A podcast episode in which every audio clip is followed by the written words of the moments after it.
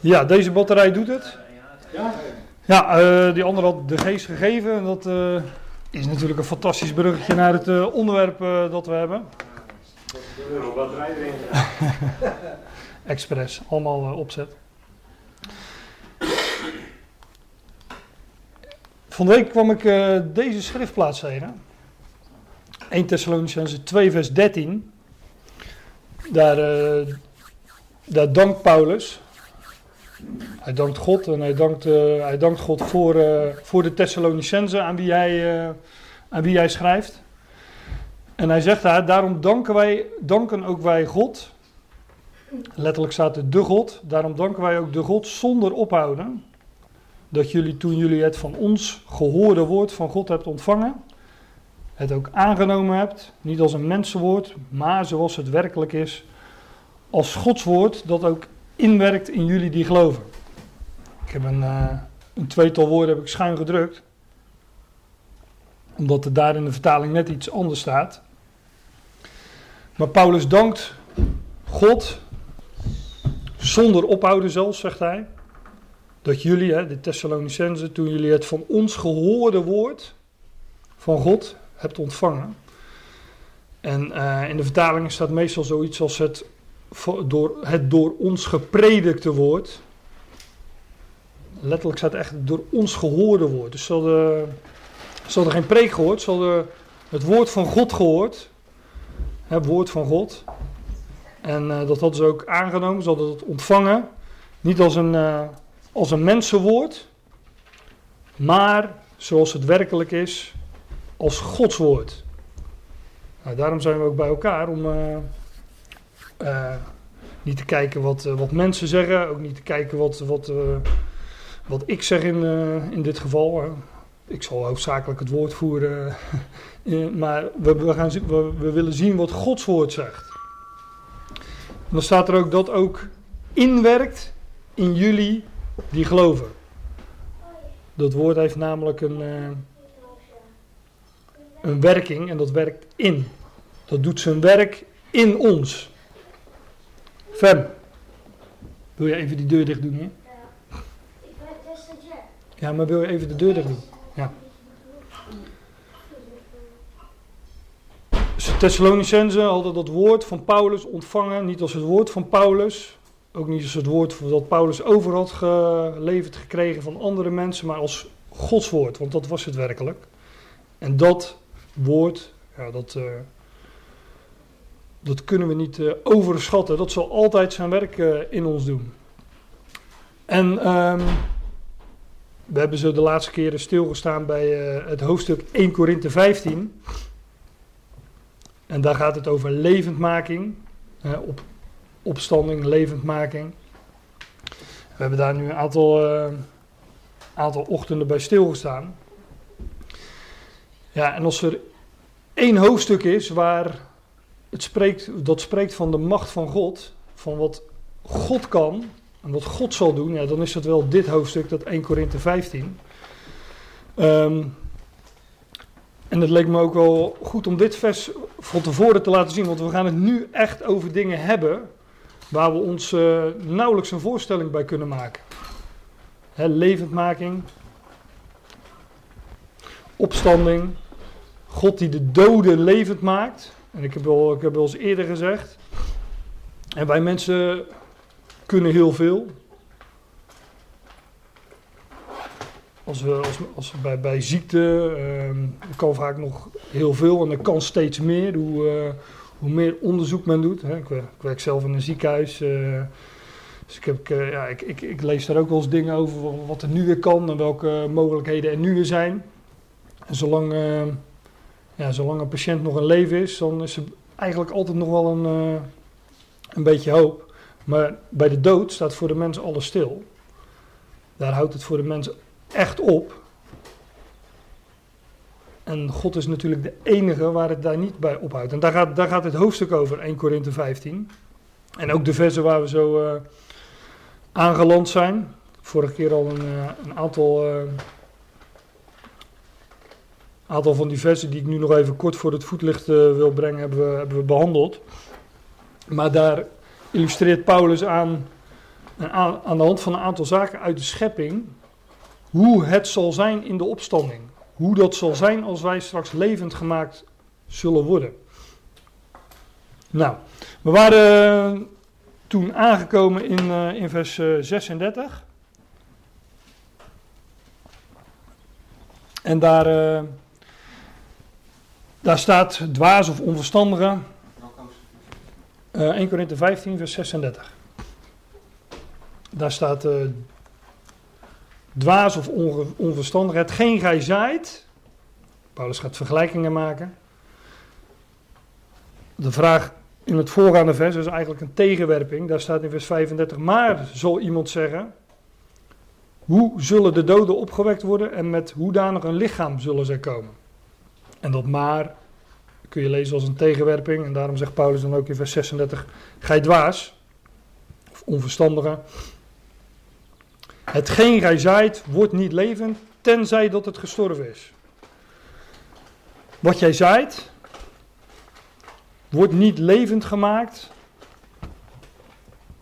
tenzij dat het, uh, het zal sterven. In de vertaling, de vertaling die ik hier uh, gebruik, staat de vertaling, daar staat hetgeen gij zaait, wordt niet levend. Het staat er nog net iets scherper. Het, het, wat jij zaait, hier zie je dat in de interlineair die ik erbij heb. Wat jij zaait, wordt niet levend gemaakt. En dat woordje levend gemaakt, dat, uh, als ik daarop klik, zie je dat dat in 1 Korinthe 15 drie keer voorkomt. Dus we hebben dat al, uh, al eerder gelezen. in vers 22, zoals allen in Adam sterven, zo zullen ook in Christus allen levend gemaakt worden. En, uh, ja, en nu in vers 36 en straks in vers 45 komen we, komen dat woordje levend maken dus uh, nog een keer tegen.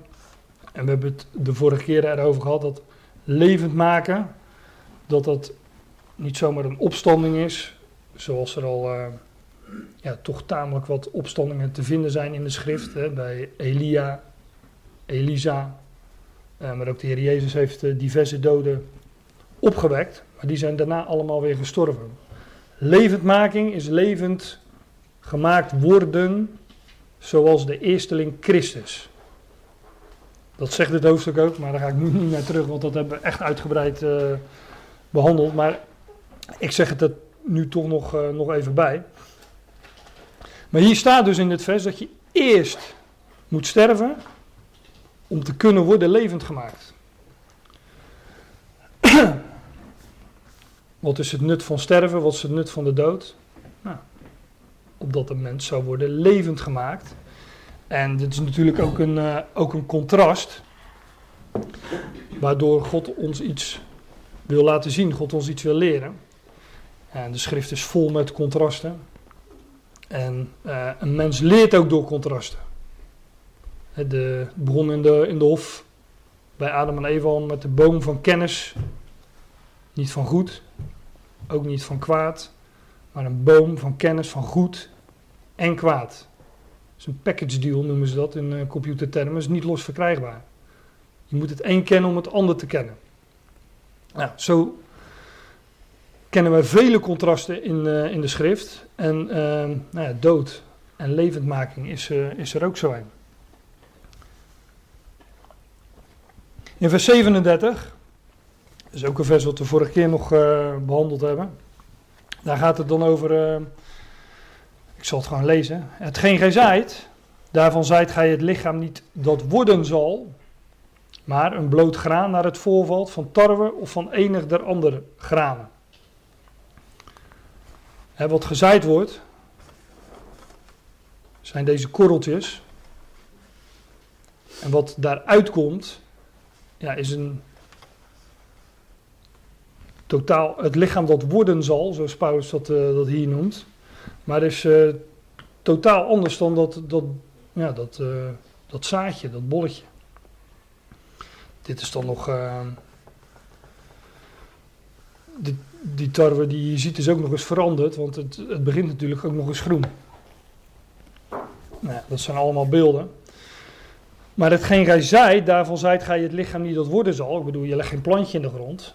Je legt iets heel anders in de grond. Een, dood, eh, een bloot en dood graan. Dan staat er ook een bloot graan naar het voorvalt van tarwe of van enig an- der andere granen. Paulus noemt het maar als voorbeeld. Dan zegt hij, maar God geeft hetzelfde een lichaam gelijk hij wil. En aan ieder zaad zijn eigen lichaam.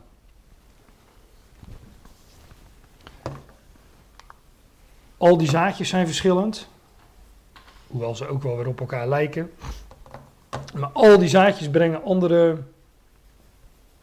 ehm, nou ja, lichamen, noemt Paulus het hier. God geeft hetzelfde een lichaam zoals hij wil. En ieder zaad zijn eigen lichaam. Nou, ik heb in een, eh, vroeger in mijn schoolperiode in de plantenkwekerij gewerkt. Dus eh, ik heb, eh, daar stonden echt zaaimachines die de hele dag aan het zaaien waren. Daar werden, er werden plantjes gezaaid en eh, ehm, dat kwam dan op of nou, soms ook niet. Hè, want, maar er, zijn allerlei verschillende soorten zaadjes en honderden, duizenden, nou, misschien wel tienduizenden verschillende eh, plantjes die uit die zaadjes komen. En soms zie je het verschil echt niet tussen de zaadjes. En dan komt een heel ander lichaam komt eruit. Nou, dat soort illustraties geeft Paulus hier als het gaat over levendmaking, over opstanding van, eh, van doden. Gezondheid. Wij, kregen die zaadjes altijd binnen in, eh, in zakjes. Dat is ook al leuk. Daar stond dan op ehm, zoveel procent kiemkracht. Dan wist je ook hoeveel zaad je moest gebruiken om eh, ongeveer aan eh, het aantal planten te komen wat je wilde hebben. En soms was dat wel 97% soms, soms maar 50 of 60 of 70.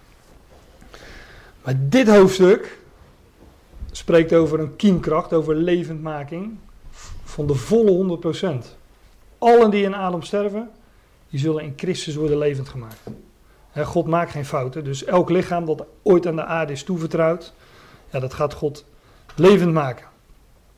En we kennen natuurlijk dat beeld van, eh, nou ja, van die tarwe. Een boer die wel, ja, wat zaait een boer? Die zaait die korreltjes, die zaadjes of een plant te kweken voor mijn part. En die zaait dat in hoop. In de hoop, in de verwachting, ja, dat er een heel iets anders uitkomt en dat dat vrucht zal voortbrengen. Nou, dat is ook de reden waarom wij, ehm, maar daar komt Paulus straks nog op terug in dit hoofdstuk, waarom wij onze doden aan de aarde toevertrouwen. Wij leggen ze als het ware als een zaad, zaadje, in de grond, in de verwachting, in de hoop van de opstanding, van dat God die doden weer zal opwekken.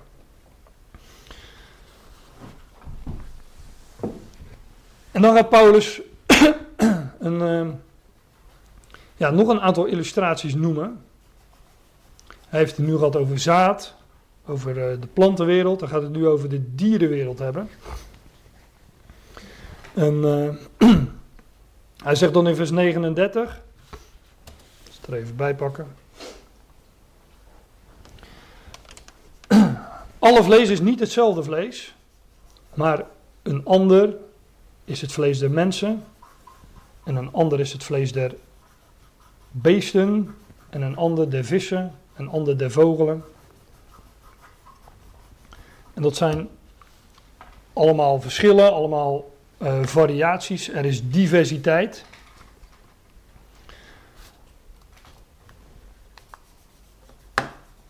Kijk, een koe of een meeuw, ja, ik heb er maar een paar gepakt. Je kan er natuurlijk eh, tientallen of honderden, kan je, honderden plaatjes daarvan, eh, da- daarvan nemen. Maar een koe is, eh, ziet er anders uit dan een, dan een kip of, of een vis. Ja, dat heeft eigenlijk geen toelichting nodig. Het is allemaal verschillend. Er is variatie, er is diversiteit. Het heeft een andere aard. Als we het hebben over het eten van vlees bijvoorbeeld, ja, dan proeft het ook anders, het ziet er anders uit. En zelfs eh, in die koe, daar zijn eh, toch eh, hele verschillende stukken, stukken vlees van te, hoe noem je dat, te bereiden. Of je nou een, een biefstukje hebt of... Ja, nou ja, noem, noem, noem het maar. Het komt van dezelfde koe, maar het is eh, totaal anders. Overigens wordt hier het, eh, in vers 39 eh, het vlees van vissen ook gewoon tot vlees gerekend. Daar denken wij volgens mij toch anders over tegenwoordig. Hè? Het is of vlees of vis. Ja, of- ja, of vlees nog vis. maar ja, hier wordt het wel in, dat, in dat rijtje genoemd. Niet alle vlees is, eh, nou, niet alle vlees is hetzelfde. Het, een ander is het vlees van mensen, een ander is het vlees van beesten, een ander de vissen en een ander de vogelen. Overigens, wat wel opvallend is, dat toen ik dat gisteren zo na zat te lezen, toen, toen die gedachte bij me opkwam, hey, wij eh, rekenen vis eh, nooit tot vlees. Hier staat hij wel in het rijtje, maar er staat elke keer, niet alle vlees is hetzelfde vlees, maar het ene is inderdaad van mensen, ander is vlees van beesten, ander echte vlees van gevleugelden of van vogels, ander echter, dan staat er niet vlees, maar staat er ander echter van vissen. Dat is toch een subtiel verschil. Maar er is variatie, er is eh, diversiteit. Eh, overigens dit woordje alle. Eh, nee, sorry, het woordje ander eh, is het Griekse woordje allos. En dat betekent zoiets als, eh, ja, dat betekent inderdaad ander of verschillend. Maar straks komen we nog een ander woord tegen, een ander woord voor, ja, voor ander. En dat, dat, dat is dan heteros. Dat kennen wij ook natuurlijk, dat woord, heteros. En dat is echt ander, anders van een andere soort. Hier zit zeg maar minder verschil tussen. Dit is gewoon anders. Ehm, vers 40. Er zijn hemelse lichamen en er zijn aardse lichamen. Maar een ander is de heerlijkheid de hemelse en een ander der aardse. En hier staat dan opeens een ander woord voor ander. Wat in de Statenvertaling gewoon hetzelfde vertaald is. Staat hier een eh, ander woord. Hier staat geen allos, maar hier staat inderdaad dat, eh, dat woordje heteros. Eh, dat het echt van een andere, andere soort er is. Nou, ook dit, ook dit kennen we. Oh, wacht, laat ik dat nog zeggen. Ehm, in de MBG-vertaling, dus de MBG-vertaling, er staat. Kijk, in de, in de Statenvertaling staat er zijn hemelse lichamen, zijn aardse lichamen, maar een ander is de heerlijkheid der hemelse en een ander der aardse. En dan staat hier in de MBG-vertaling, eh, wordt er gesproken over de glans. Dus eh, wat de Statenvertaling opvat als heerlijkheid, dit Griekse woordje eh, doxa, dat wordt in de MBG-vertaling vertaald met glans. En dat is op zich ook wel logisch, want, want waar het hier over gaat in dit vers is over, eh, over eh, ja, hemel, hemellichamen. En wat zijn dat eh hemellichamen? Nou, sowieso de zon, de maan en de sterren. Maar ik geloof ook wel dat, dat, dat Paulus het hier dubbelzinnig bedoelt. Dat hij zegt er zijn hemelse lichamen en er zijn aardse lichamen. Er zit dan dubbelzinnigheid eh, in. Maar hij verwijst hier wel naar. eh, hij verwijst hier wel naar de hemellichamen zoals we die vinden aan de, aan de hemel. Want dat vinden we in het, in het volgende vers. Maar er zijn hemelse en aardse lichamen. En die zijn van een totaal andere orde. Die zijn andersoortig. Die zijn niet, niet alleen anders, die zijn andersoortig. Of in een, een hemels lichaam of een, eh, of een.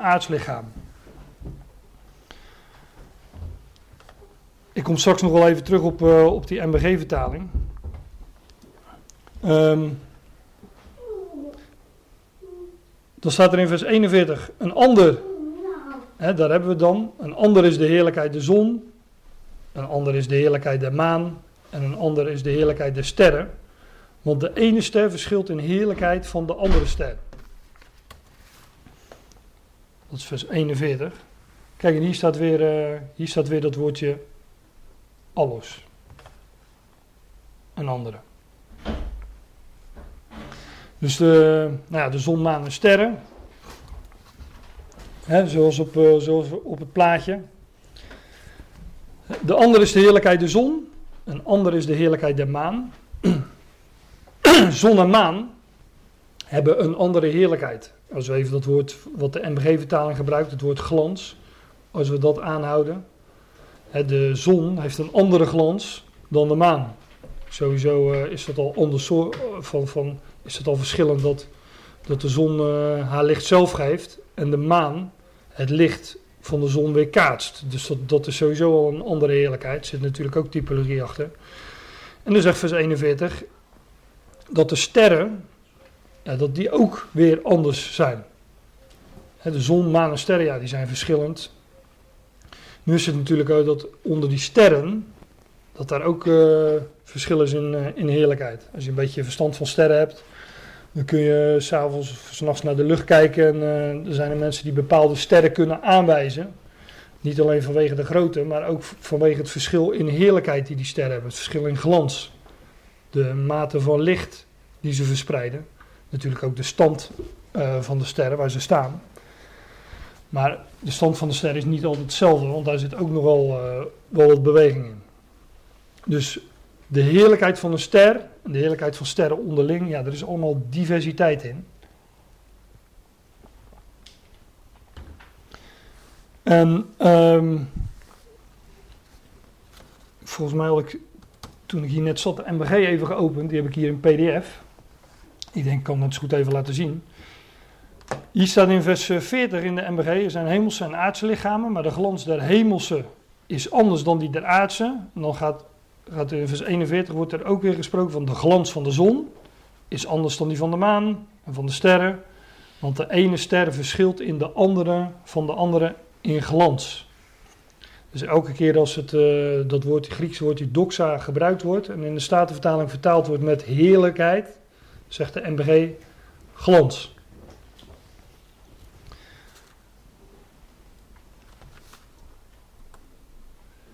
Jullie, jullie denken misschien, waarom zegt hij dat nou? Maar daar kom ik straks echt nog wel op terug.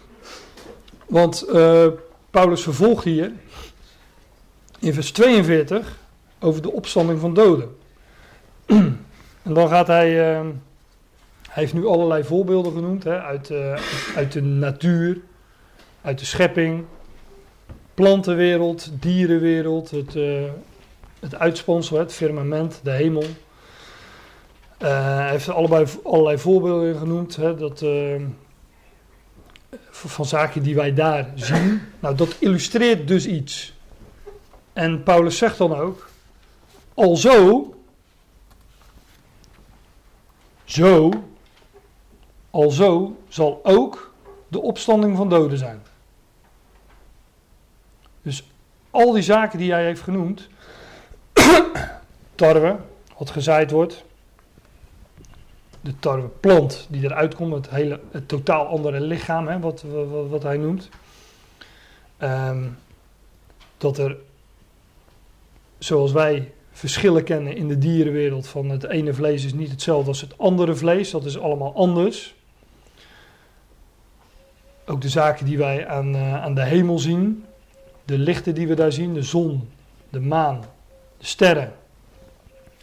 Um, en de verschillen in heerlijkheid die dat heeft, de verschillen in glans, om dat woord dan maar eh, te noemen. Nou, hij zegt, zo zal het ook zijn in de opstanding der doden. Dus al die zaken die hij hiervoor noemde en benoemde, die illustreren hoe het zal zijn in de opstanding van doden.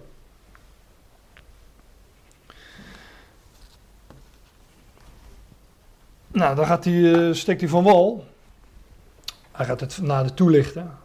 Hoe dan? Hoe zal het er zijn in de opstanding van doden? En dan gaat hij zeggen: het lichaam wordt gezaaid in verderfelijkheid. Dat zegt de Statenvertaling. gewoon het woord voor uh, vergankelijkheid. Er wordt gezaaid in vergankelijkheid. Het lichaam uh, wordt gezaaid in vergankelijkheid. Het wordt opgewekt in onvergankelijkheid. Dus zoals het zaadje, om bij dat voorbeeld te blijven, zoals dat in de grond wordt gelegd. gezaaid. Dus hè, wij z- ja, eigenlijk zaaien, wij begraven onze doden niet alleen, wij zaaien onze doden in hopen, in de verwachting dat God die do- de, de doden zal eh, levend maken, zal opwekken. Er wordt gezaaid in vergankelijkheid. Het lichaam wordt opgewekt in onvergankelijkheid.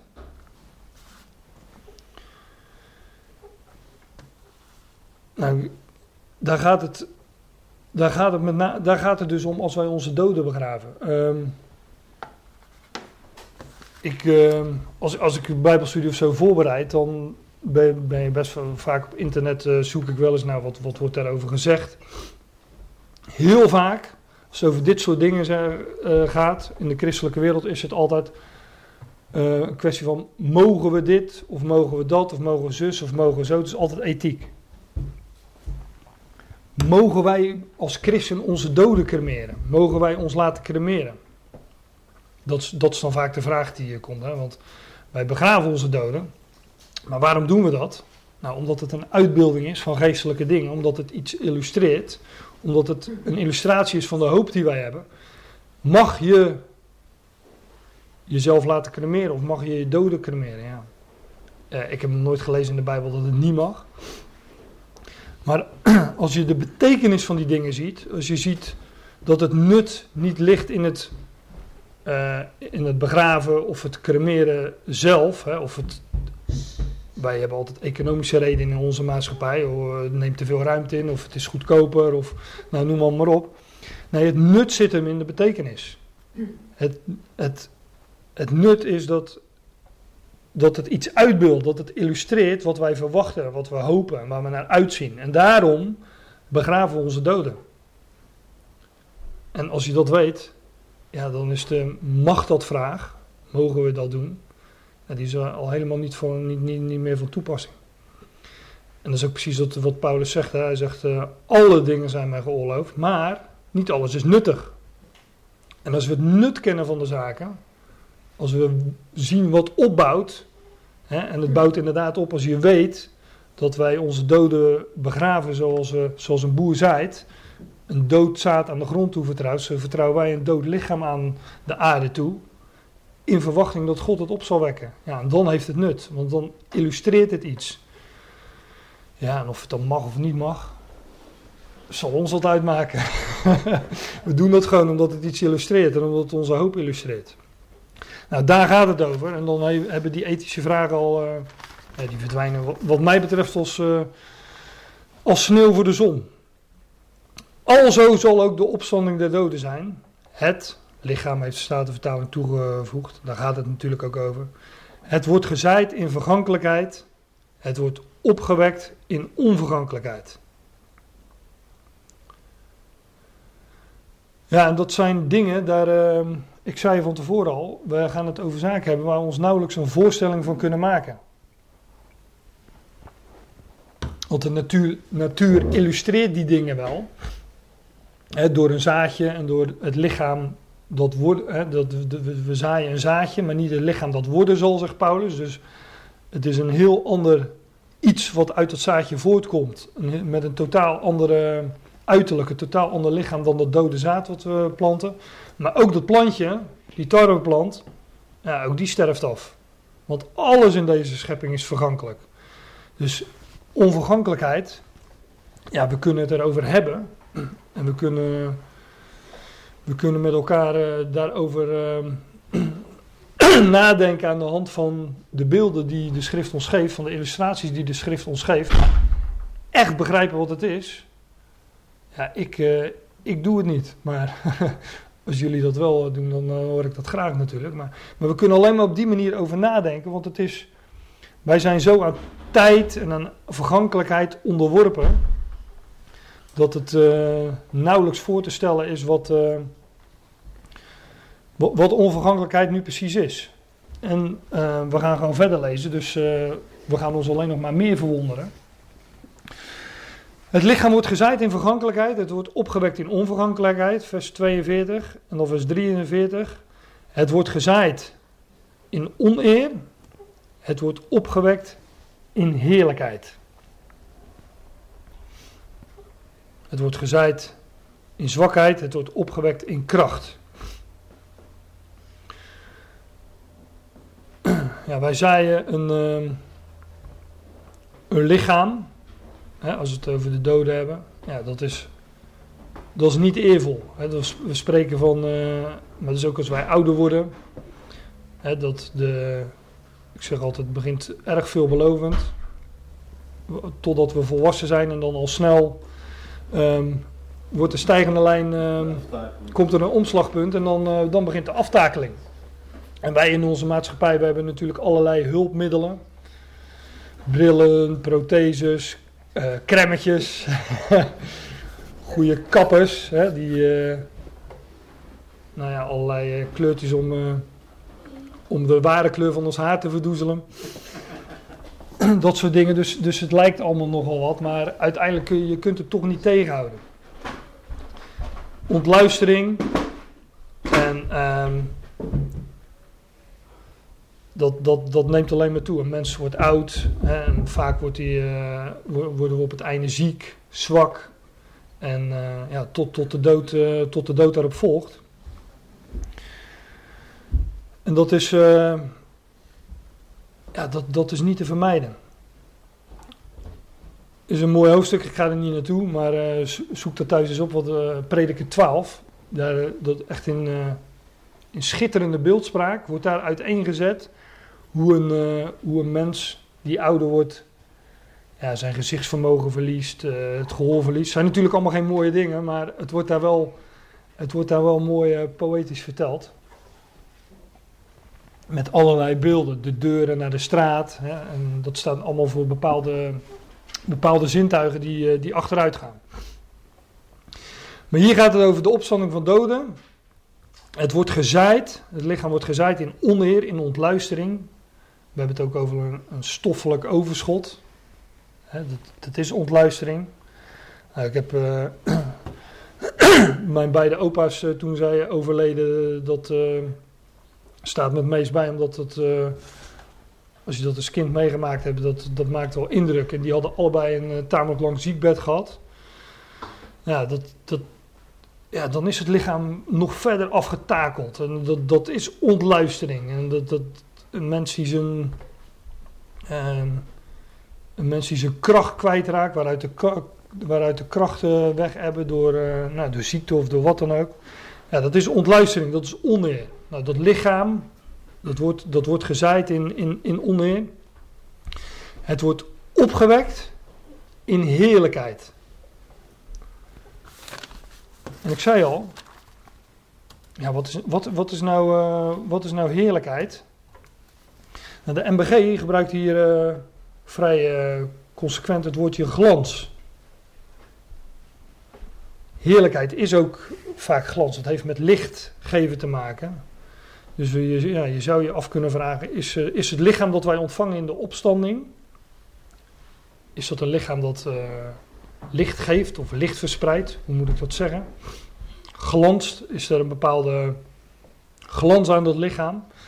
Als ik het zo lees, zou ik denken van wel, want er wordt natuurlijk ook eh, de vergelijking gemaakt met die hemellichamen. Die glanzen ook. De ene, het ene hemellichaam verschilt in glans van het andere. Zon, maan, sterren, sterren onderling hebben allemaal een verschillende glans. Nou, Paulus zegt, zo zal het ook zijn in de opstanding der doden.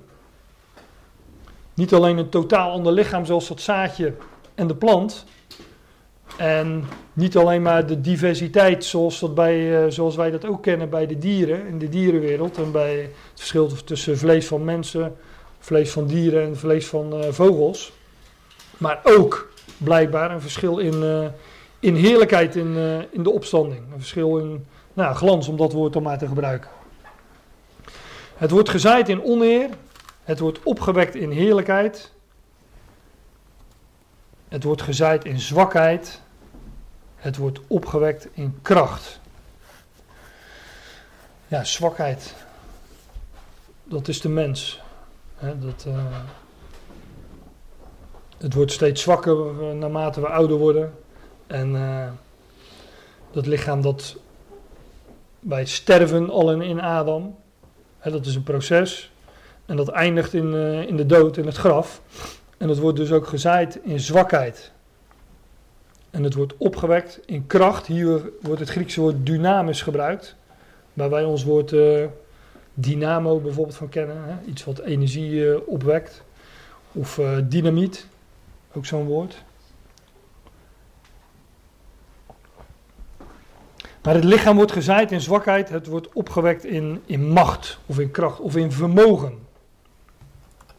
Staat er, als ik hier uh, op klik op dat woord, dan geeft het ook aan vermogen. Dynamisch is vermogen. De beperkingen die het lichaam hier kent, die zal het in de opstanding niet hebben. Dat zal geen uh, aftakeling zijn, dus het zal energiek zijn, dynamisch zal uh, vermogend zijn, krachtig, machtig. We zullen ook niet onderhevig zijn aan de beperkingen die we nu hebben. Denk aan beperkingen als uh, plaats, tijd. De Heer, de Heer Jezus toen hij uh, opgestaan was, toen hij opgewekt was, toen hij levend gemaakt was, verscheen hij ook aan de discipelen. Hij stond opeens, um,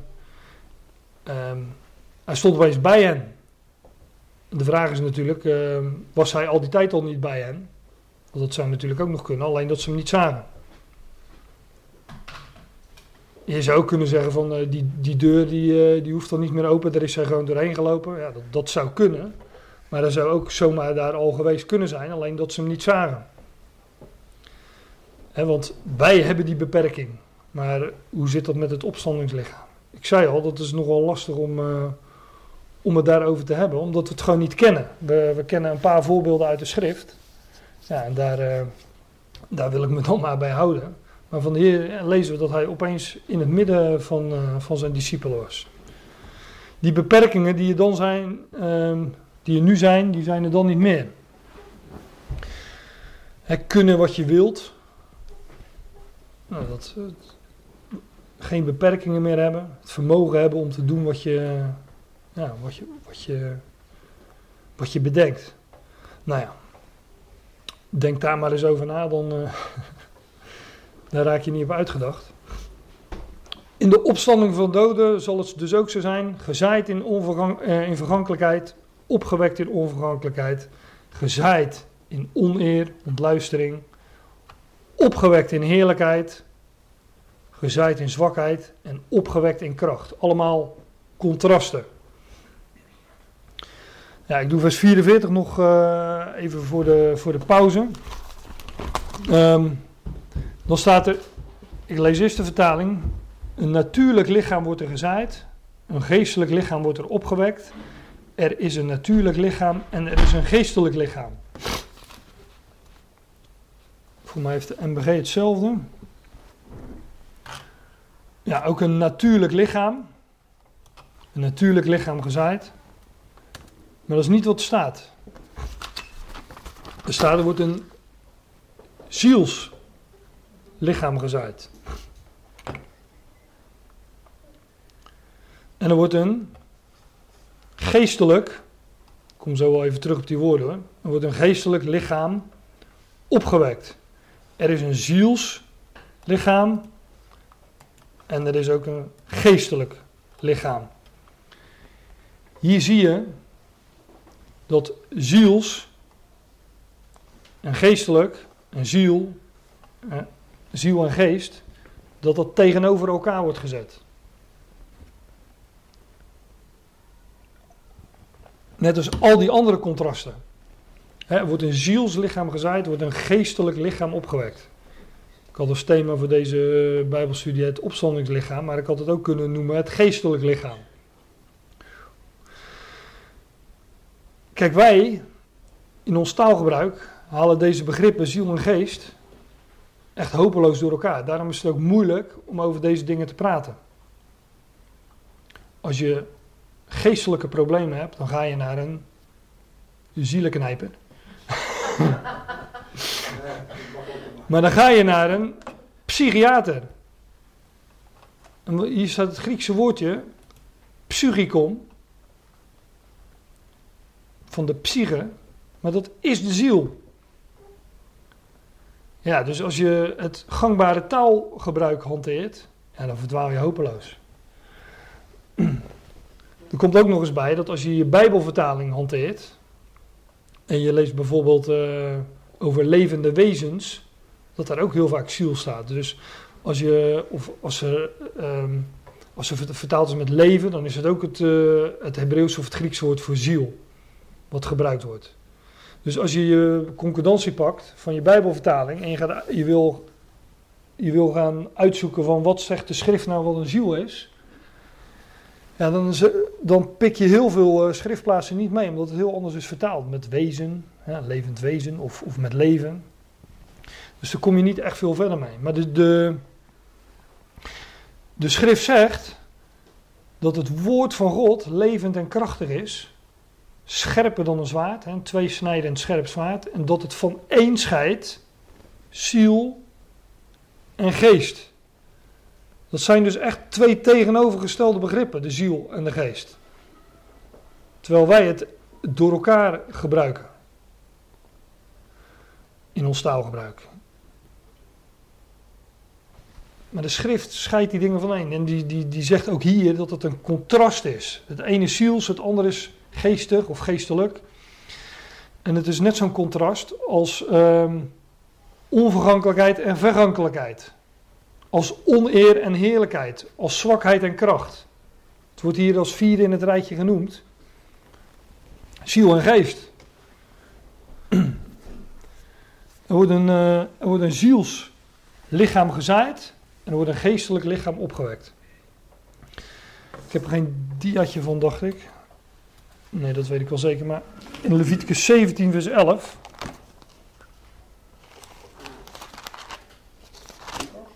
Leviticus. Helemaal terug. Nou, helemaal.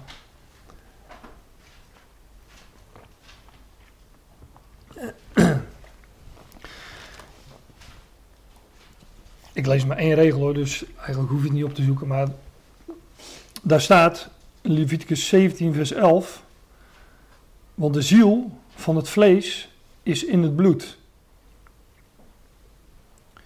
Dat was ook de reden dat men uh, het bloed niet mocht eten. Dat staat in het, in het vorige vers. Uh, over de rest van het vers ga ik het ook niet hebben nu. Maar er staat dat de ziel van het vlees in het bloed is. En we lezen in 1 Korinthe 15. Ik hoop dat jullie je hand of je bladwijzer daar nog bij hebben. We lezen in 1 Korinthe 15, een klein stukje verder. Er staat, maar dit zeg ik broeders, dat vlees en bloed het koninkrijk gods niet beërven kunnen. En de vergankelijkheid, de verderfelijkheid beërft de onvergankelijkheid niet. Nou, er wordt een zielslichaam gezaaid.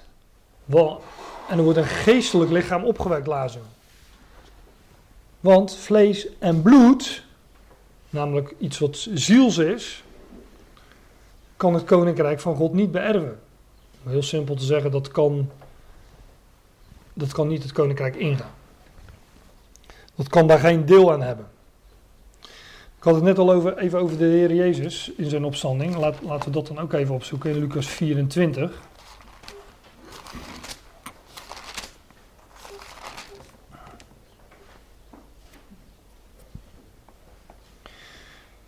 In Lucas 24, daar is, um, um, dat is net na de geschiedenis van uh, de Emmausgangers. Lucas 24 in, uh, in vers ja, 39, maar in vers 36 lees je dus dat, uh, dat zij over die dingen spraken, hè, over de ontmoeting met die Emmausgangers, de elf uh, apostelen. Die spraken daar met, uh, over de, de ontmoeting met de Emmausgangers. En als ze van deze dingen spraken, stond Jezus zelf in het midden van hen. Opeens was hij daar blijkbaar, wat ik net al even aanhaalde. Nou, dan uh, zijn ze zeer bevreesd uh, en dachten ze dat ze een geest zagen, vers 37. En dan zegt de Heer Jezus zelf in vers 39: Ziet mijn handen en mijn voeten, want ik ben het zelf. Die littekens van het kruis, van zijn kruising, die waren, daar nog, die waren nog zichtbaar. Ziet mijn handen en mijn voeten, want ik ben het zelf. Tas mij, tas mij aan. En ziet, want een geest, ze waren bang dat ze een, ge een geest uh, zagen. Want ziet, Ziet, want een geest heeft geen vlees en benen. Zoals gij ziet dat ik heb. Ja, dan moeten we een, uh, nou, moeten we een puzzeltje gaan maken. Want ik, jullie zouden denken misschien waarom noemt hij zo even al die versen achter elkaar. Maar wat zien we hier nu over het, uh, over het, uh, over het lichaam? We hebben gezien dat een zielslichaam, dat kennen wij, want we zijn zelf, uh, wij zijn zelf ziels. Ziel heeft te maken met, met vergankelijkheid, maar ook met emoties, met gevoelens. En dat bedoel ik niet alleen uh, verdriet of blijdschap, maar ook uh, lusten of onlusten. alles wat, wat dit lichaam met zich meebrengt, dat is ziels. Dat hebben wij dus gemeen met de dieren. Want dieren, bij de schepping van de dieren, wordt er in Genesis 1 gezegd dat God levende zielen schiep. Ik ga het nu niet opzoeken, maar in sommige vertalingen staat volgens mij daar levende wezens. Dat zijn levende zielen. Een mens is een ziel, dieren zijn zielen. Dat is, uh, en dat is wat wij gemeen hebben met uh, de dieren. Een zielslichaam, als ik de puzzel maak van wat we zojuist gelezen hebben, heeft vlees, heeft benen, hè, botten zijn dat, en bloed. En de ziel is in het bloed. Dan zal het geestelijk lichaam in ieder geval geen bloed hebben, want vlees en bloed kunnen het koninkrijk van God niet beërven. Laten we zojuist in 1 Korinthe 15, vers 50. Maar een opstandingslichaam, om het zo te noemen, heeft wel vlees en benen. Dat zagen we zojuist in Lucas 24, vers 39. De Heer zegt: Ziet, want de geest heeft geen vlees en benen, zoals gij ziet dat ik heb, zegt hij na zijn opstanding. Dus dat opstandingslichaam het geestelijk lichaam heeft vlees en benen, maar geen bloed. Maar we lezen in uh, 1 Korinthe 15, een zielslichaam wordt er gezaaid. Een geestelijk lichaam wordt er opgewekt. Er is een zielslichaam en er is ook een geestelijk lichaam. Blijkbaar, dat is de conclusie die ik trek, dus is, uh, Jullie moeten maar kijken of je die ook trekt. Maar blijkbaar heeft een geestelijk lichaam vlees, benen, vlees, potten. Ja, en uh, geen bloed, maar geest. Ja, en hoe je dat voor moet stellen, ik zei al, we gaan het over dingen hebben die we ons uh, moeilijk voor kunnen stellen. Maar een geestelijk lichaam, hè, dat wordt uh, in de het Griekse woord, dat kennen wij trouwens ook nog. Het Griekse woord dat hier gebruikt wordt in vers 44 is pneumatikon. De pneuma, Gods adem, wordt het ook al mee vertaald. Gods, de, de geest. En wij, hebben, wij zullen dus, eh, een, uh, ja, om het met dat Griekse woord te zeggen, een, in, de, in de opstanding een pneumatisch of een geestelijk lichaam hebben. Met vlees, benen, vlees, botten en, ja, en pneuma geest. En we kennen dat woord pneuma. Hm? Pneumatiek is lucht. Ja, pneumatiek is lucht. Want uh, pneumatiek, ja, pneumatisch gereedschap. Dat ongeveer alles wat ik ervan weet. Dat, je, dat dat uh, gereedschap is wat werkt met, met lucht en luchtdruk. Zul jij ongetwijfeld meer van weten dan ik.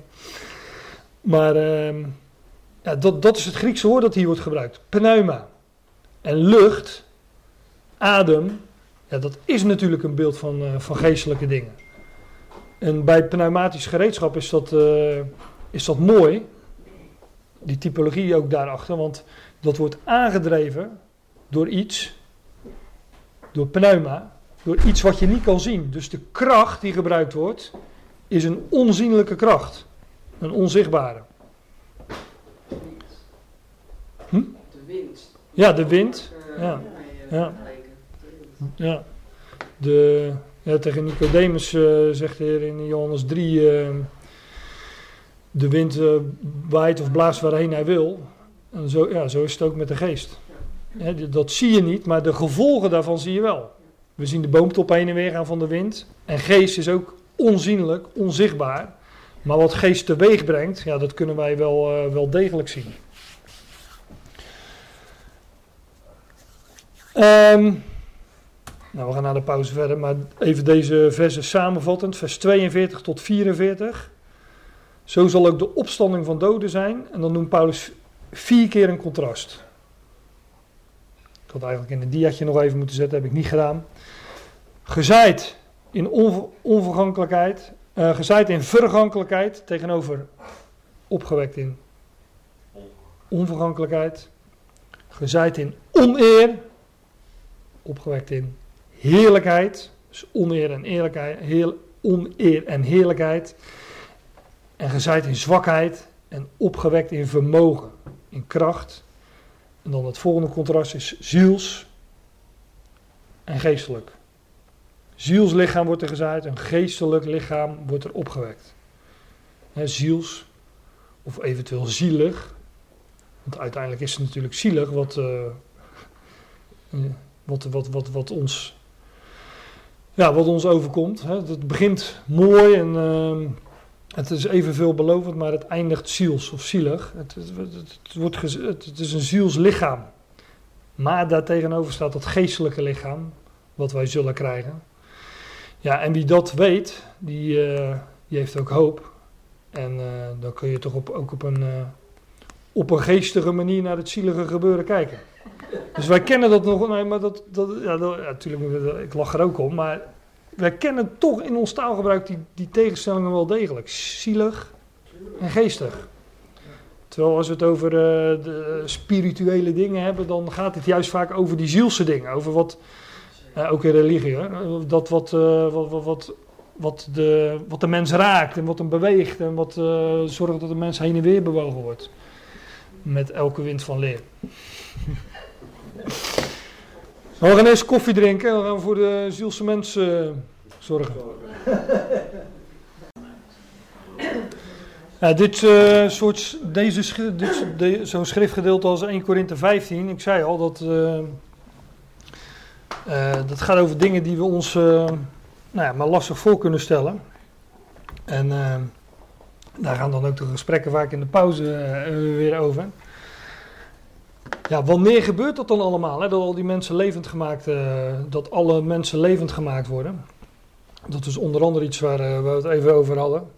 Nou, daar heb ik eh, een keer een, een ochtend aan besteed.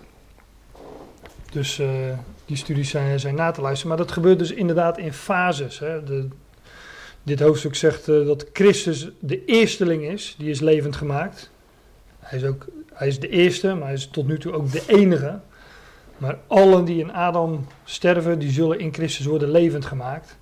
Ja, dat gebeurt in een, eh, in een aantal fases. Ja, Jens moet lachen, want die, eh, die kent die tekst uit zijn hoofd.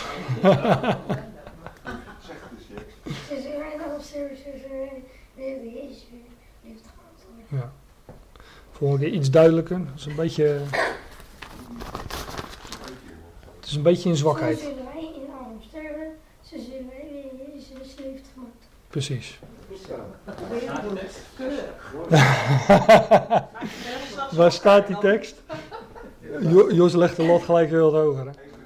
Nee, dat- Het is moeilijk. hij, hij denkt dat vraag gewoon naar mijn vader, als ik moet weten wat ze. Ja. Nee, maar dat zal inderdaad in, eh, in fases gebeuren. En ehm, nou ja, ik. ehm, ik eh, als, als ik dat onderzoek, kom ik tot eh, zeven fases. Dat is natuurlijk ook een mooi getal, wat dat betreft. Dus dat, dat moet bijna wel goed zijn. maar daarover hebben we het een keer een hele ochtend gehad. En ehm, tamelijk uitgebreid, voor zover dat kan. Ehm, maar, maar, ja, dat, eh, ja dat, dat zal gefaseerd gebeuren. We, we hadden het er ook even over dat dit hoofdstuk echt wel een ehm, eh, tamelijk uniek hoofdstuk is. Omdat, je- kijk, je, vindt deze waarheden ook wel in de rest van de schrift.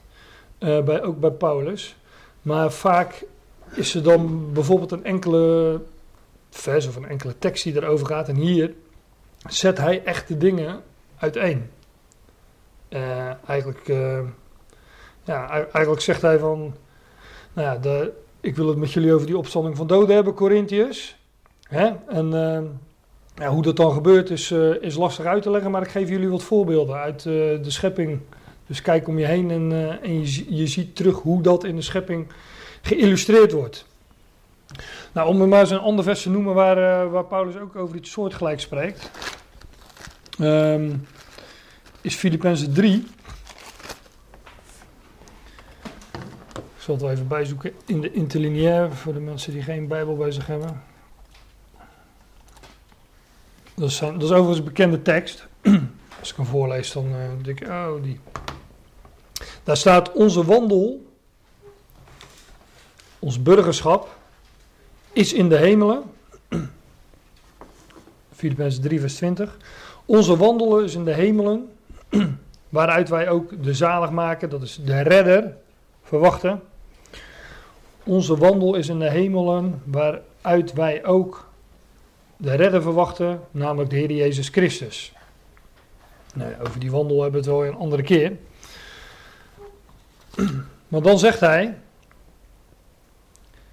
die ons vernederd lichaam veranderen zal. Ik lees even hoe het staat. Die ons vernederd lichaam veranderen zal, opdat het zelf gelijkvormig worden aan zijn heerlijk lichaam, naar de werking waardoor hij ook alle dingen aan zichzelf kan onderwerpen.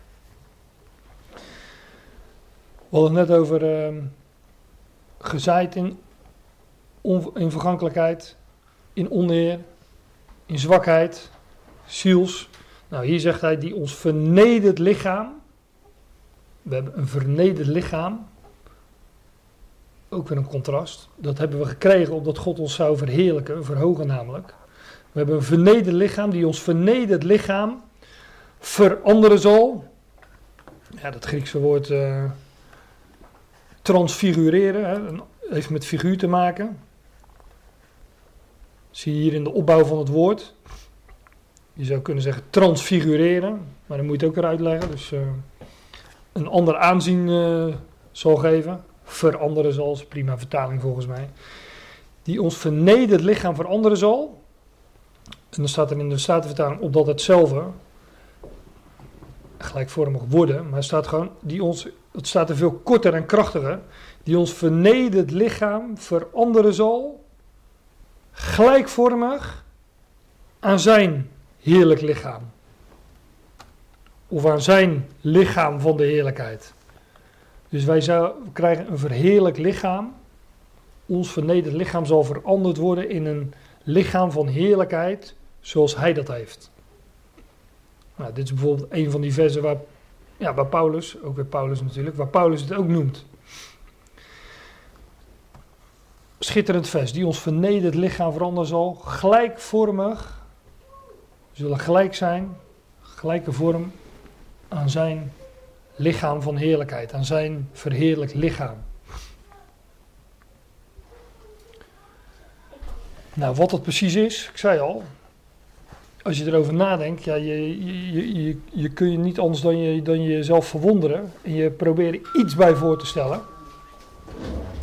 En uh, dat is ook wel mooi, het, het woordje. Het.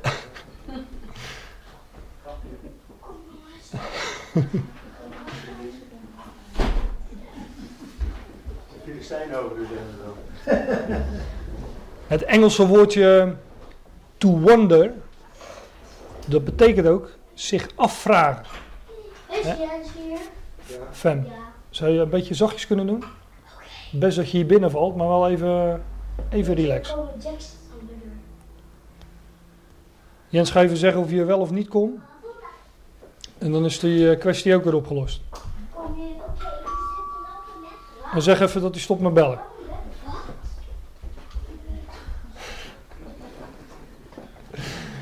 Ik zei al eens, dat is de dynamiek van een thuissituatie. Jens, Jens, zou je die deur even dicht willen doen? Papa, mag ik dan een capuchon?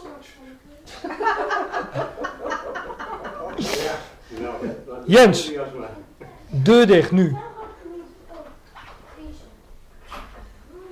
Soms moet, je, soms moet je heel duidelijk zijn, want anders wordt er gewoon niet geluisterd. Hoor je dit ook allemaal terug op de opname? Ja, dit hoor je terug op de opname. Zal ik het eruit knippen? Of, eh, wil je dat ik jouw naam ook nog even noem, Jos? Of zal ik dat nalaten?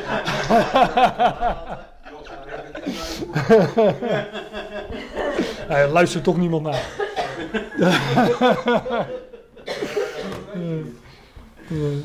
Dan hoor ik het wel. Ehm, nou, nu ben ik echt een beetje van. Andere. Oh ja, to wonder. Het Engelse woordje to wonder. Wij hebben het over verwonderen, maar het Engelse woordje to wonder betekent ook je. Ja, niet alleen dat je je verwondert, maar je vraagt je af. Nou, dat, dat doen wij ook als we deze dingen lezen. En als we. Kijk, ja, Gods woord beschrijft die dingen, maar toch, we blijven ons verwonderen. En we blijven ons ook eh ja. We blijven ons afvragen: van, ja, hoe is dat dan precies? En we kunnen er een beetje van proeven en een beetje, een beetje aan ruiken. Ruiken is overigens ook geestelijk. Hè? Dat is een, eh, wij zijn, schrift zegt, wij zijn een, een goede geur van Christus. Hè, dat, is, dat heeft ook weer met die pneuma te maken, met dingen die je niet ziet. We kunnen er een beetje aan ruiken, maar we, ja, we kunnen dat nooit helemaal eh, vatten, totdat we het aan de lijve gaan ondervinden. En die hoop hebben we, we- die belofte hebben we ook. Niet om Dat- de geest. Hm? Gaat niet om de geest onderwijzen. Nou, je, je, ja, maar ook, ook aan het lichaam. Want we, we zullen een geestelijk lichaam ontvangen. Dus dus daadwerkelijk ook wel een, eh, een lichaam. We zijn niet straks een geest. Hetzelfde? Hm? Dat is toch niet hetzelfde lichaam als wat je nu hebt? Nee, gelukkig niet. Nee, nee. nee daar gaat 1 Korinthe 15 over. Nee, de vergankelijkheid, de zwakheid en de, de, de oneer, die, eh, ja, die is straks weg. En dat is straks kracht, heerlijkheid en geest. Ja. Maar eh, ja, to wonder inderdaad. Een eh, mooi woord in dit verband. Ehm, wij waren gebleven in, eh, of aangeland in vers 45.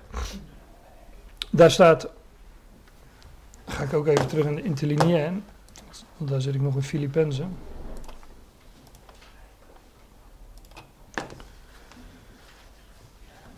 Ja, voordat eh, de Filistijnen over ons kwamen, wilde ik eh, daarmee verder gaan. Vers 45. Alzo is er ook geschreven. Ook weer contrast trouwens. Het zijn allemaal contrasten. De eerste mens, Adam, is geworden tot een levende ziel de laatste Adam tot een levendmakende geest. Hier gaat het over een eerste en een laatste Adam. Let op, geen eerste en tweede Adam. Dat hoor of lees ik. Daniel, doe dat maar niet. Dat hoor of lees ik ook regelmatig. Hè. De tweede Adam wordt Christus dan genoemd. Nee, Christus is niet de tweede Adam. Christus is de laatste Adam. Ik heb voor de een van de vorige keren, of misschien wel een aantal van de vorige keren ook gezegd, dat er allerlei overeenkomsten zijn tussen Adam en Christus, maar ook allerlei contrasten. De schrift leert ons, door die overeenkomsten en die contrasten, leert de schrift ons bepaalde dingen. Beiden, zowel Adam als Christus, zijn door één daad. Bij Adam was dat een zondige daad, namelijk het eh, eten van die vrucht. En bij Christus is dat één rechtvaardige daad, namelijk zijn, eh, zijn weg in geloof tot, tot de dood, ja, de dood van het kruis. Dus beide één daad die zich uitstrekt tot alle mensen. Dat is ook wat dit hoofdstuk leert. We hebben het ook een keer tamelijk uitgebreid over gehad. Dus het contrast is een, een zondige daad en een rechtvaardige daad. Dat is weer een contrast, maar er zijn ook overeenkomsten tussen die twee. En daarom wordt er gesproken van de eerste mens, Adam, en de laatste Adam, namelijk Christus. Maar hier wordt, wordt nog een contrast genoemd in vers 45. De eerste mens Adam is geworden tot een levende ziel. Een levende ziel. Maar we weten als we. Nee, ik sla even over. eh, dank je. Ehm, een, een, een levende ziel. Als we goed lezen, nauwkeurig lezen en we kennen de rest van de schrift, dan weten we al van ja, met die levende ziel, daar gaat het niet goed mee aflopen.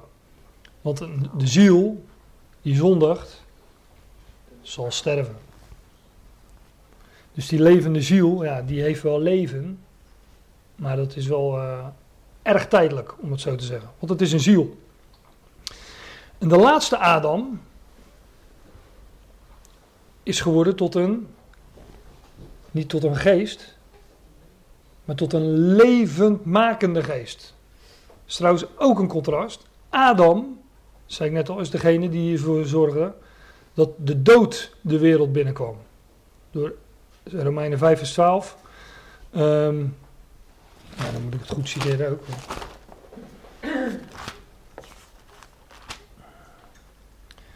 Door één mens is de zonde de wereld binnengekomen. Door de zonde de dood. En de dood is alzo tot alle mensen doorgegaan.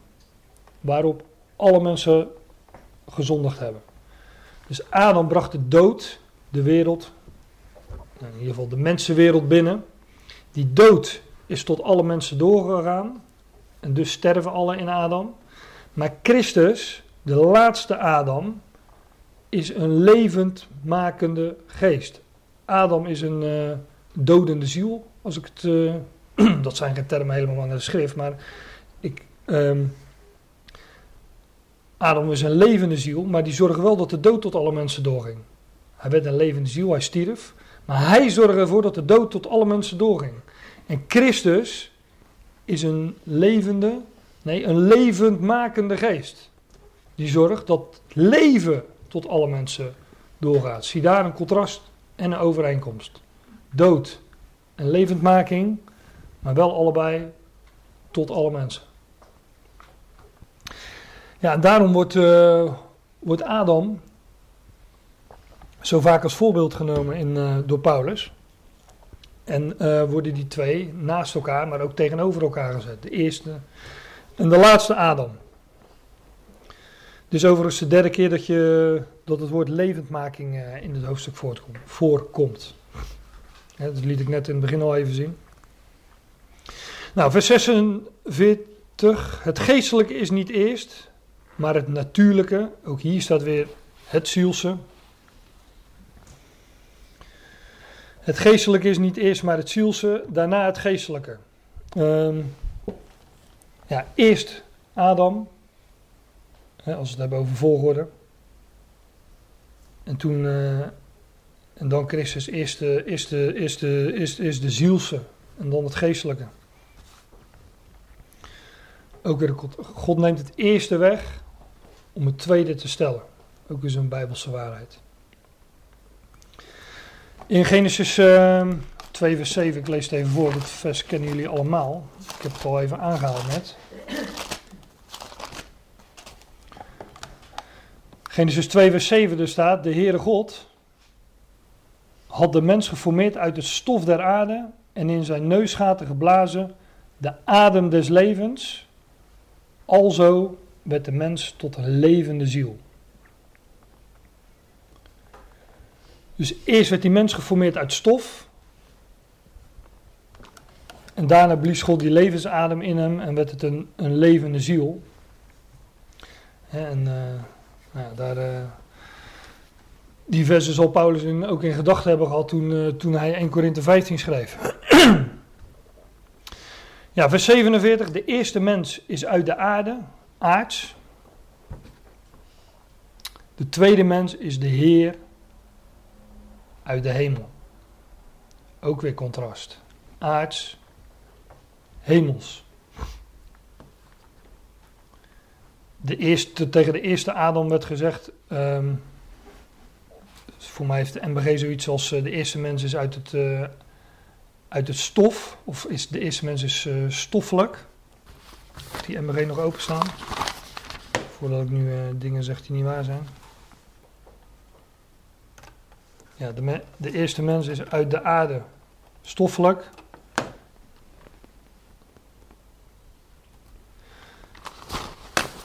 En de Statenvertaling heeft, de eerste mens is uit de aarde aards. En er werd al tegen Adam gezegd in Genesis 3, tot stof zijt gij en je zult stof wederkeren. En ook hier het contrast tussen die eerste mens en die tweede mens. Tussen die eerst, eerste eh, Adam en die laatste Adam. Overigens hier, hier wel opmerkelijk. Hier gaat het wel over een eerste en een tweede mens. Een eerste en een laatste Adam. Want er komt geen Adam meer. Maar hier gaat het over een eerste en een tweede mens. en als u het mij vraagt, gaat het over, eh, de, e- eh, over een mensheid. En niet, eh, want er zijn wel meer mensen dan eh, Adam en, eh, en Christus. Ik zie er een aantal voor me zitten.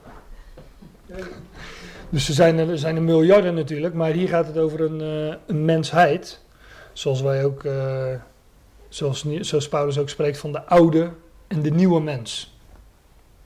Dat zijn er ook geen twee, maar die vertegenwoordigen een mensheid. Hè, dus de eerste mensheid, om het zo te zeggen, is uit de aarde aards.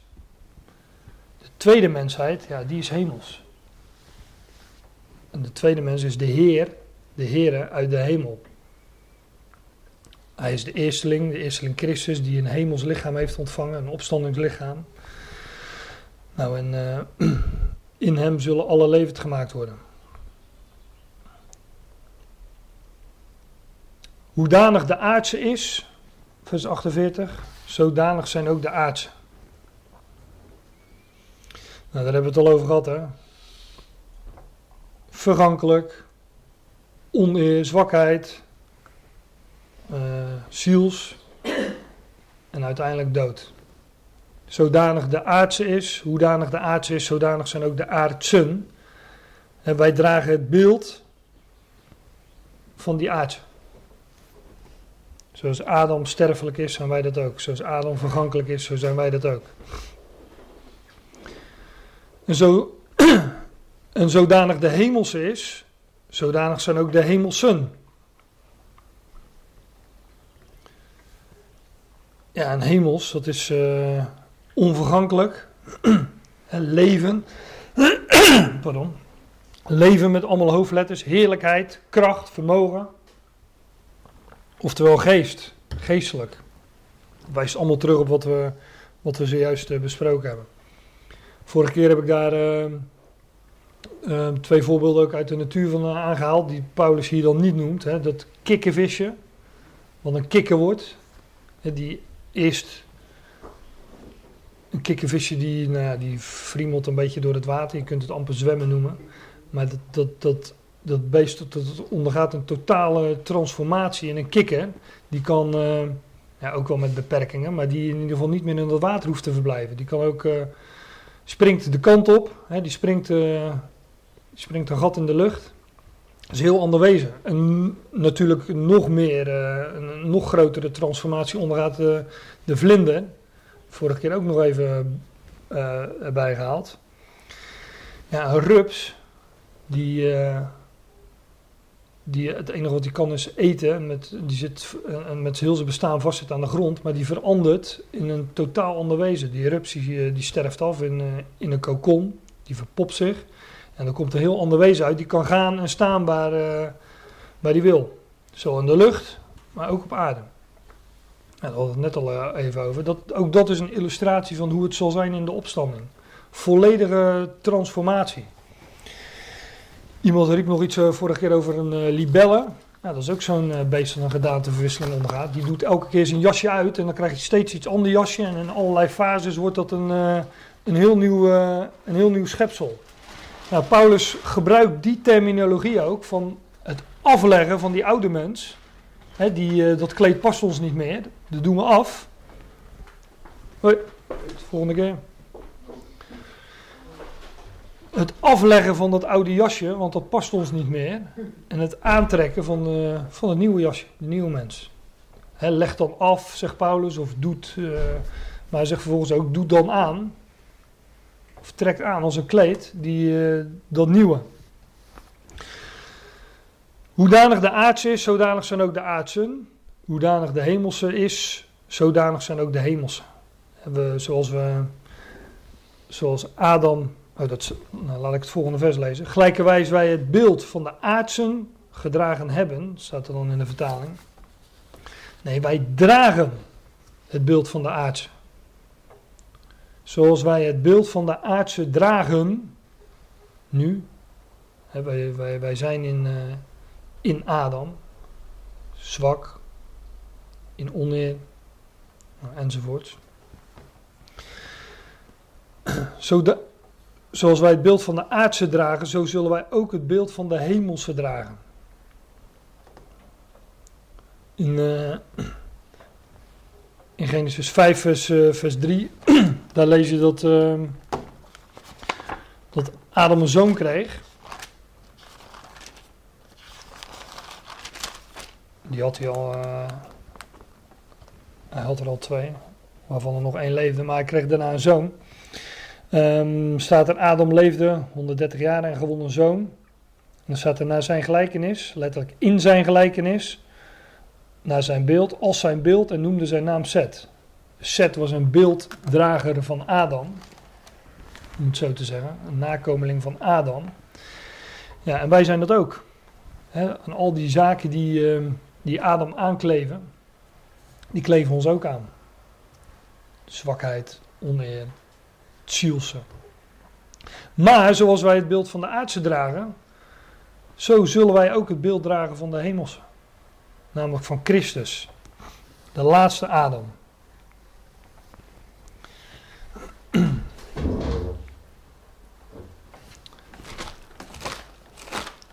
Ik heb in mijn aantekeningen een vers staan dat ik denk van wat staat daar ook alweer? Ah ja. Ehm, ja, in Romeinen 8 wordt dat bijvoorbeeld ook beschreven. Daar staat, die hij tevoren gekend heeft, die heeft hij ook tevoren verordineerd. Dat is een oud Nederlands woord voor bestemd. Die hij tevoren gekend heeft, die heeft hij ook tevoren bestemd aan het beeld van zijn zoon gelijkvormig te zijn. Opdat hij de eerstgeborene zij onder vele broederen, nou, enzovoort. Maar wij zijn door hem ook tevoren bestemd.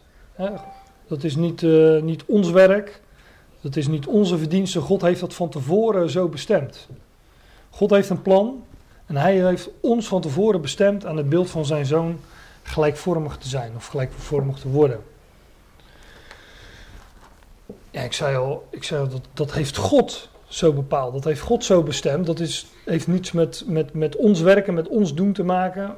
Maar ja, dat hoef ik eigenlijk nauwelijks te zeggen als we een hoofdstuk als 1 Korinthe 15 lezen. Ik zei al, bij de mens houdt het echt op bij de dood. Dan, dan, dan, dan kunnen we niks meer. Dus dit, ja, dit, dit is God.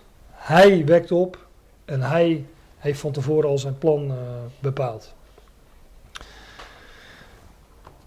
Maar dit zeg ik, broeders, dat vlees en bloed, daar waren we al even, dat vlees en bloed het koninkrijk Gods niet beërven kunnen en de verderfelijkheid beërft de onverderfelijkheid niet. Vlees en bloed, vers 50 is dat van 1 Korinthe 15. Paulus zegt het ook nog eens met nadruk, hè? staat hier in de interlineair. Want ja, sommige Corinthiërs geloofden dat er geen opstanding was. Vers 12 is dat, voor degenen die de voorgaande keren niet waren. Hoe zeggen sommigen onder jullie dat er een opstanding van doden is? Nou, Paulus zegt hier met nadruk dat vlees en bloed het koninkrijk van God niet beërven kunnen. En vergankelijkheid beërft de onvergankelijkheid niet. 1 Korinthe 15 vers 50. En vlees en bloed, die zielse mens die vergankelijk is, die zielse mens in oneer, in, uh, in zwakheid, in vergankelijkheid enzovoorts, die beërft het koninkrijk van God niet. Um, die, gaat dat, die zal dat koninkrijk van God niet in kunnen gaan, want dat zou ons lichaam ook niet aankunnen. En daarom krijgen we dan ook een nieuw lichaam. nou ja, vlees en bloed, dat heb ik dus al even, dat, volgens mij hebben we dat, uh, ik hoop dat ik dat duidelijk heb gemaakt. Vlees en bloed is dus ziels. En zoals ik dat, uh, zoals ik dat plaatje net had. Zielslichaam, vlees, vlees en benen en bloed. Ja, en het geestelijke lichaam dat is uh, van een andere orde. Ja, en hoe precies? Vlees, benen, vlees en botten en pneuma, geest. Nou, vervolgens zegt hij, ik ga hier stoppen, dus uh, vervolgens zegt hij, de vergankelijkheid beërft de onvergankelijkheid niet. Ja, letterlijk zegt hij zoiets als, uh, ja, dat beërven, dat, dat, dat, dat begrijpen wij wat beter uit ons taalgebruik, maar um, als lotbezit ontvangen of als lotsdeel, vergankelijkheid heeft geen deel aan onvergankelijkheid. Wij kunnen met ons vergankelijke lichaam niet de onvergankelijkheid ingaan. Nou, hoe zit het dan? Ik stel de vraag, Paulus gaat hem zo beantwoorden hier. Hoe zit het dan met het moment waarop de Heer terugkomt? Dan, zullen, dan zullen namelijk de doden opgewekt worden. In ieder geval een eerste fase van doden zullen, een eerste groep van doden zal opgewekt worden. Maar, zegt Paulus in ehm, vers 51, wij zullen niet alle ontslapen.